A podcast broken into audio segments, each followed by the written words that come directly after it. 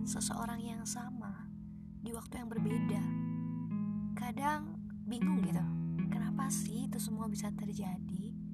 Sesering itu, buat apa? Karena penasaran, pagi tadi aku buka internet, cek di salah satu website yang kata ahli psikolog John Mayer, kalau ternyata bukan rindu, tapi ada suatu kondisi yang membuat kita tertekan. Hah? Tertekan? Aku punya masalah sama dia. Aku punya janji yang belum dituntaskan sama dia.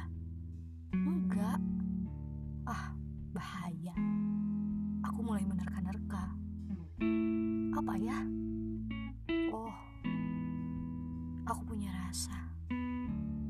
Rasa yang dulu tertahan, sekarang belum tuntas diikhlaskan.